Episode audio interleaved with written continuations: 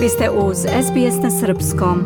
Danas u Negotinu počinje tradicionalna muzička manifestacija Mokrančevi dani, 56. po redu i trajaće do 16. septembra. I ovog septembra Negotin će ugostiti mnogobrojne poklonike dela Stevana Stojanovića Mokranjca, rodonačelnika srpske muzike – Veran svojoj programskoj tradiciji, na festivalu će za šest dana nastupiti brojni ansambli, a fokus ovogodišnjeg programa je na horskoj muzici. Ceremonija svečanog otvaranja biće kao i uvek u dvorištu kompozitorove kuće, besediće kompozitorka Aleksandra Verbalov. Već prve koncertne večeri za titulu najuspešnijeg na tradicionalnom nadpevavanju horova takmičit će se horski ansambli iz Novog Sada, Doboja, Banja Luke i Beograda, a tokom festivalskih dana nastupit će hor Mokranjac iz Beograda, pobednik prošlogodišnjeg nadpevavanja, zatim hor RTS-a sa dirigentom Bojanom Sučićem, kao i kolegiju muzikom koji predvodi Dragana Jovanović. U festivalskom programu je i kvartet Taj iz Novog Sada, koji će izvesti muziku Aleksandre Verbalov, dok će Beogradski ansambl 13 gudača održati koncertno veče posvećeno stvaralaštvu Dejana Despića.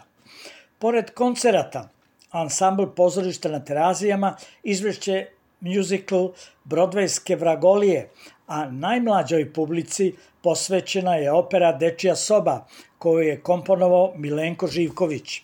Jedan festivalski dan biće posvećen i narodnoj tradiciji.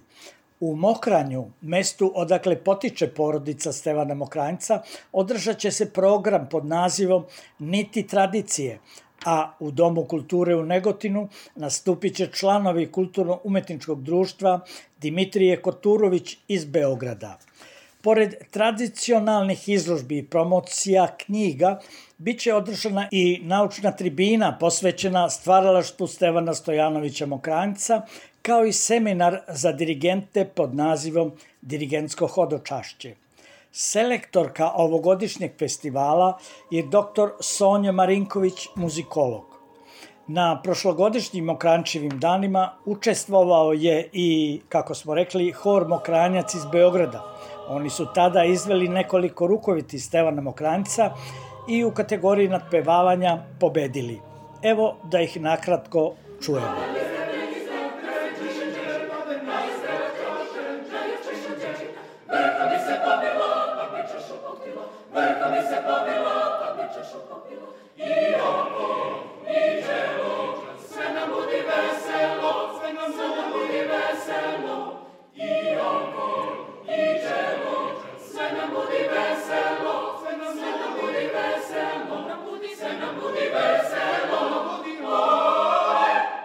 Iz Beograda za SBS radio Hranislav Nikolić.